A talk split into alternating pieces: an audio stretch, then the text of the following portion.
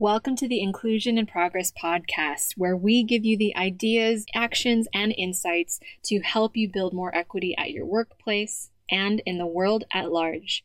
I'm your host, Kay Fabella, international expert on diversity, equity, and inclusion, a Filipino American living in Spain, and your guide in navigating this DEI journey. Having worked with teams at companies such as Philips, the IMF, Red Hat, PepsiCo, and more, I know firsthand that the work of inclusion only works when everyone has a seat at the table. Regardless of your personal entry point into this conversation, your race, ethnicity, gender, ability, age, sexual orientation, country of origin, or educational background, we all have a role to play in creating inclusion for all. And it starts with us having conversations we need to create the change we wish to see. So let's dive into today's episode.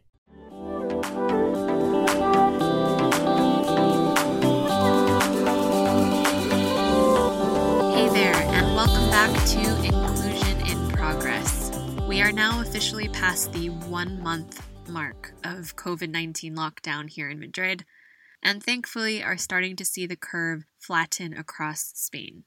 And so far, family and friends I know back in the US are staying safe and healthy, which is really encouraging to hold on to amidst all the sadness and devastation this virus has brought upon us. But as I've learned to find a balance between staying informed and overconsumption of news, my Spanish husband Javi and I have strangely gotten used to this new normal we're learning to work at home alongside one another in our home office and take turns whenever he has a Skype call with his team or I have a Zoom call with clients. We try to wrap up at the same hour every day and do one activity a day together that doesn't involve a screen, whether that's cuddling with our cats, listening to music, or playing a round of Uno together, as we are not allowed to leave the house for any type of exercise. On weekends, Javi and I alternate weekly check ins with my family out in California and with Javi's family a few miles away from us here in Madrid. We even managed to celebrate my niece's 18th birthday in lockdown over Zoom, complete with singing Cumpleaños Feliz, watching a birthday video montage I put together with greetings from her friends, laughing over virtual trivia in Spanish, and learning, or at least trying to learn, a TikTok dance altogether. With so much tragedy and uncertainty, where those who are grieving aren't even able to comfort one another or bid their loved ones goodbye in person, the resilience of humans around the world and our ability to find moments of connection while we are apart is nothing short of inspiring. In the midst of all of this, I've continued to serve my clients as they adapt their current diversity and inclusion initiatives to support their remote teams, and engage with many of you who've reached out to send emails and LinkedIn messages sharing words of support for this very podcast. Like Andre from New York, who wrote us this message. I listened to the first three episodes of your podcast and I loved it. Your form of storytelling, sharing times of discrimination that you experienced, and telling marginalized folks to have kind conversations to make change is amazing. I will continue to listen, but wanted to let you know that it was awesome. And if you'd like to do me and Team Kay a five minute favor, we would very much appreciate it if you left us a review on iTunes. We've shifted the episodes we originally had scheduled to try and provide as much relevant content for minority leaders and inclusion driven companies in times of coronavirus. And we really want to continue to get these conversations and resources out there to those who would most benefit. So, all you have to do is head to the link in the show notes or open up this show directly in your iTunes app by searching for this podcast, Inclusion in Progress and then write us a review. And we'll be sure to read it out and shout out to you on a future episode. Like I've said before, this podcast is truly a labor of love, and every bit of feedback helps us expand the reach of these episodes for those who need this type of knowledge to continue prioritizing inclusion and diversity in companies, especially now. And of course, if you have a specific challenge or issue that you'd like me to answer on the podcast about how you can continue to be an inclusive leader, or a diversity and inclusion advocate in your company at this time, please send me an email at info at K-A-Y, F as in Frank, A, B as in boy, E-L-L-A dot com. I read each and every message that comes in and would be happy to answer any questions you might have. All right, with that said, let's go ahead and dive into today's episode, which has recently become a really popular topic with my clients how to be a better remote manager. So, we're living in challenging and uncertain times right now. We all know that change is happening on a pretty much daily basis for organizations, communities, and individuals alike. And it's hard not to have your heart break into a thousand pieces over and over again as you hear about the racial, systemic, and socioeconomic inequities that this virus is bringing.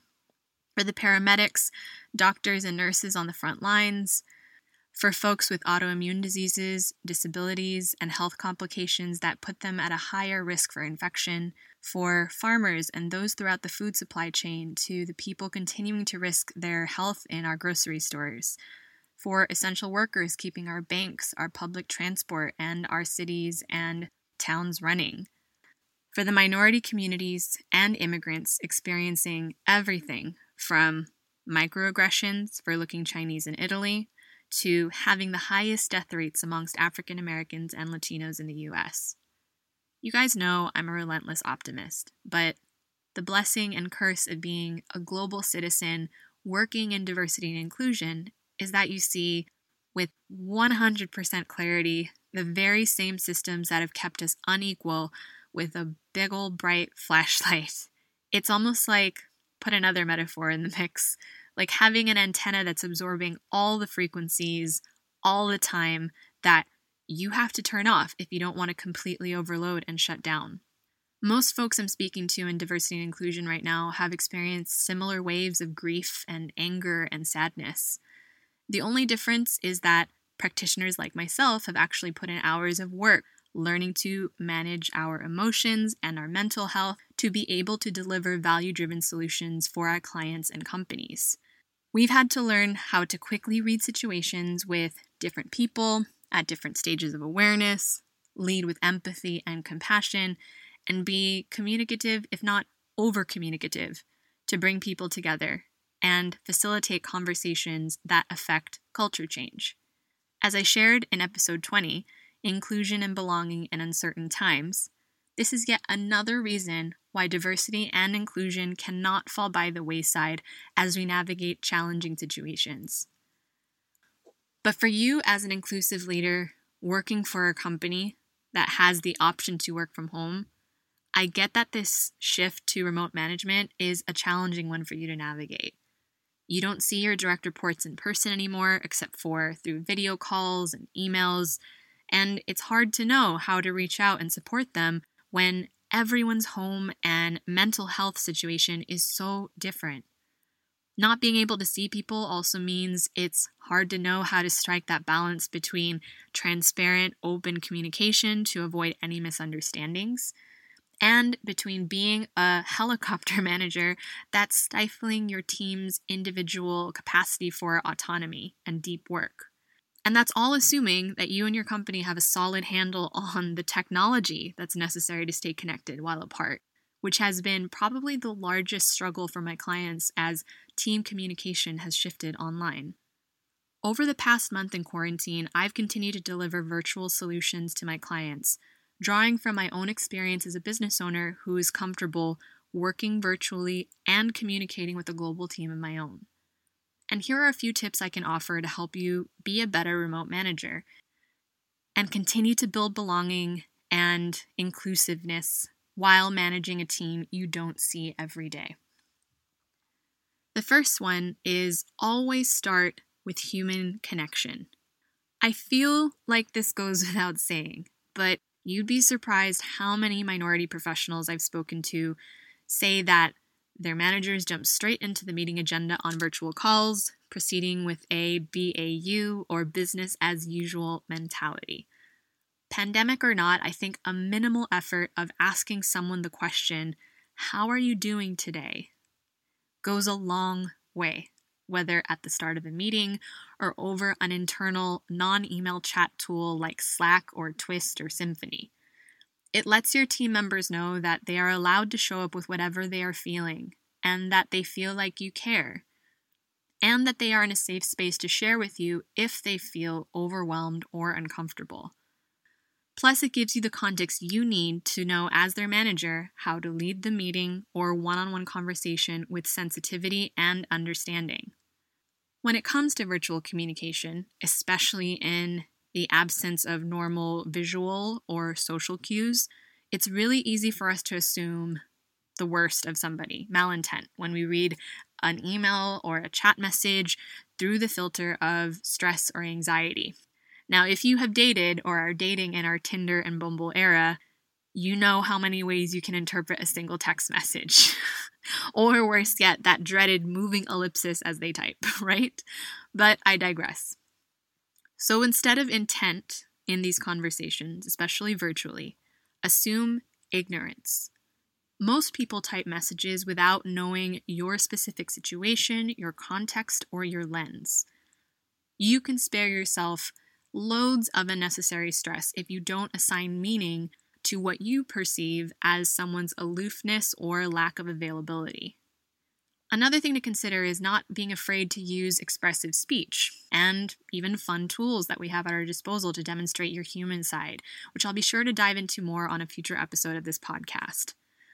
So, when I refer to expressive speech, I mean things like descriptive adjectives in your emails, maybe adding an exclamation point after typing OK in an email instead of just a period, using a virtual whiteboard tool to brainstorm as a team on Zoom and draw something, or even creating a team wide GIF or emoji bank that you can use for different situations to celebrate one another and cultivate connection.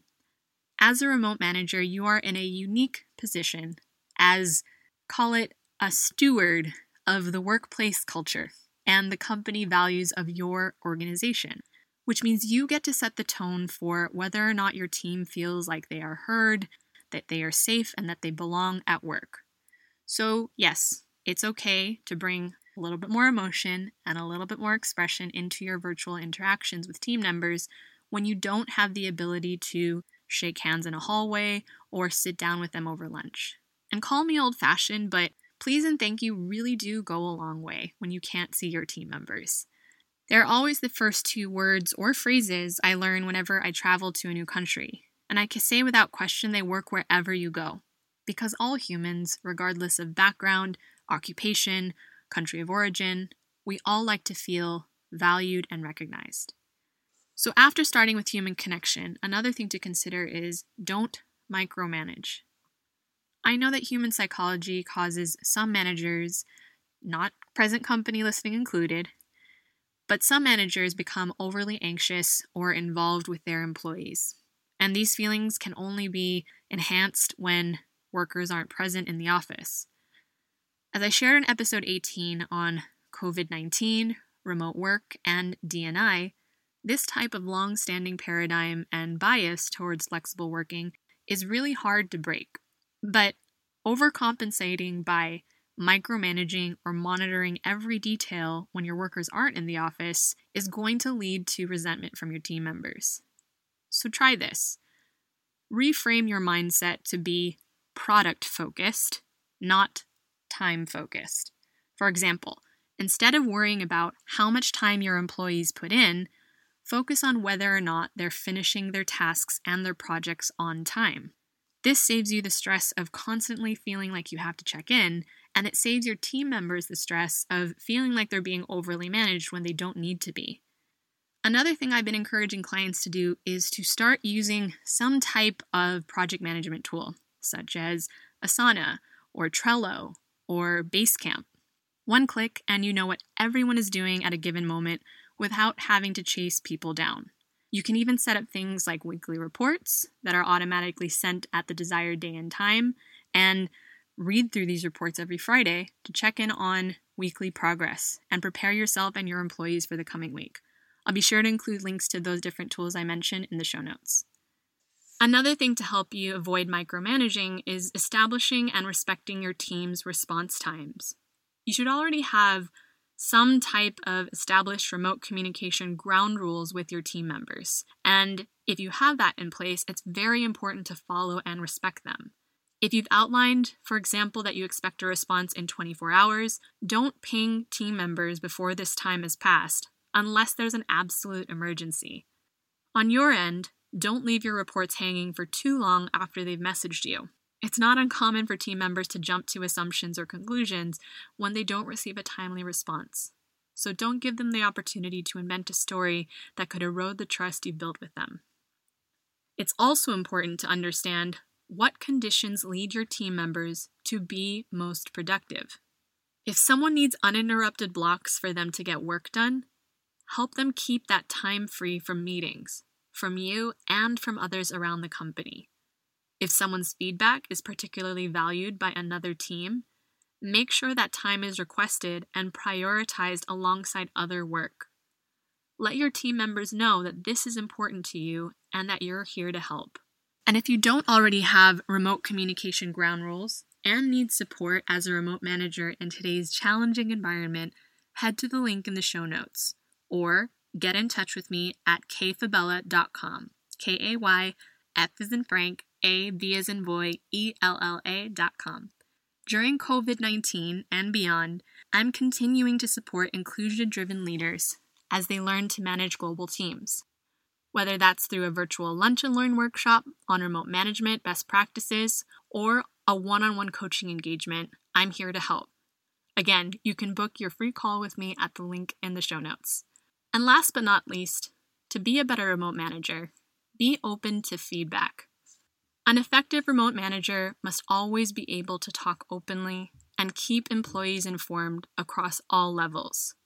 An inclusive remote manager should be capable of understanding that the situations for each of their remote team members will not be one size fits all, and should aim to willingly understand the inequity and privilege that could condition the safety and well being of their employees, even if they're working from home. If you truly want to be both an effective and inclusive remote manager, you have to be willing to receive feedback.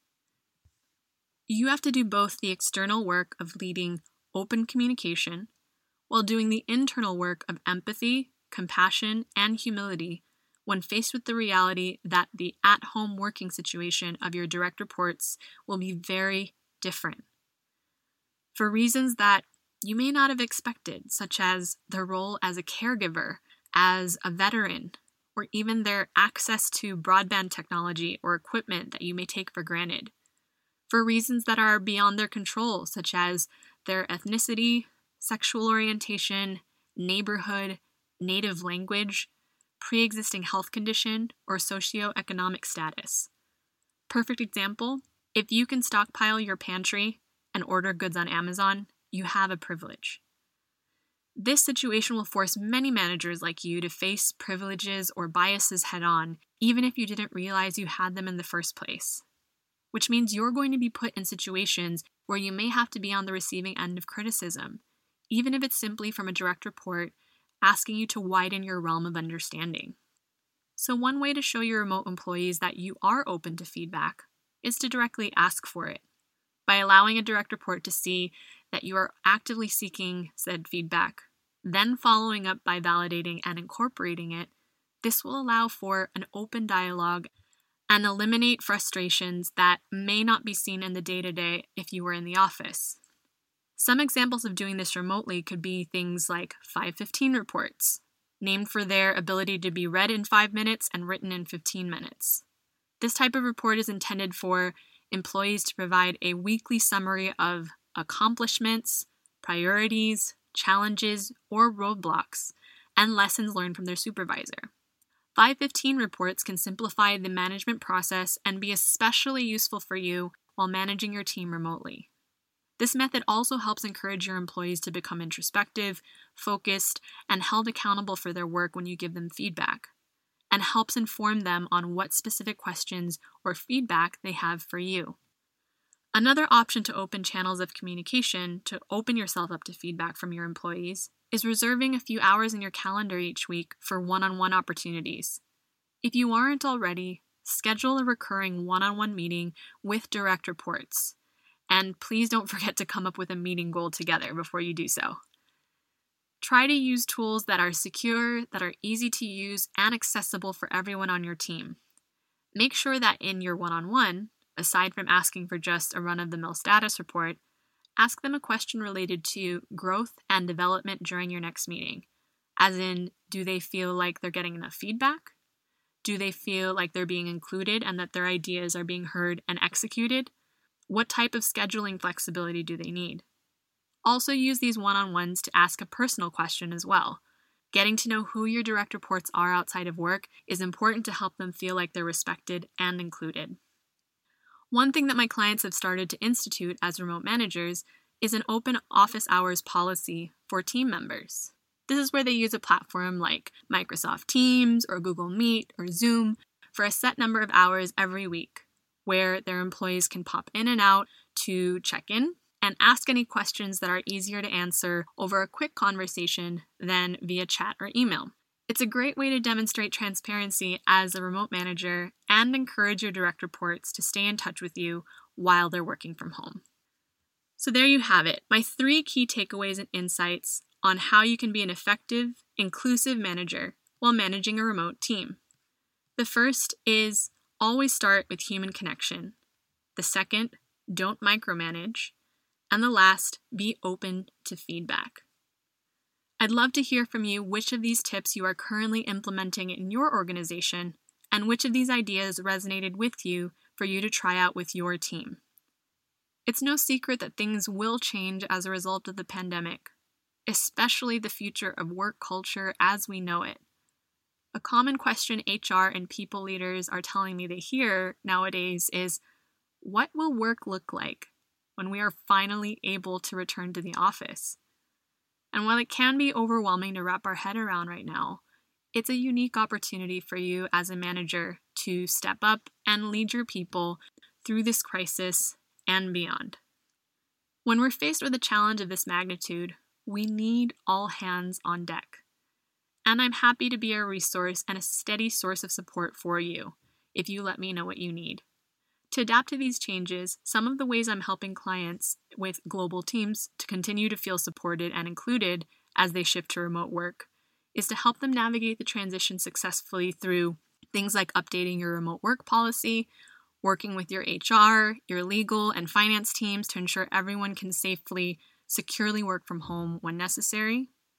Or I'm helping teams with creating virtual communication protocols working with you to establish the tools, technology, and techniques needed to make your teams feel engaged and secure even when they're working from home. Lastly, I'm working with HR and people teams to continue their team building and diversity and inclusion efforts virtually, especially to combat things like work from home isolation and the mental health challenges that brings. I'll help you create culture driven strategies for connection, engagement, and interaction so your employees continue to feel supported away from the office or simply get in touch at the link in the show notes or at kayfabella.com.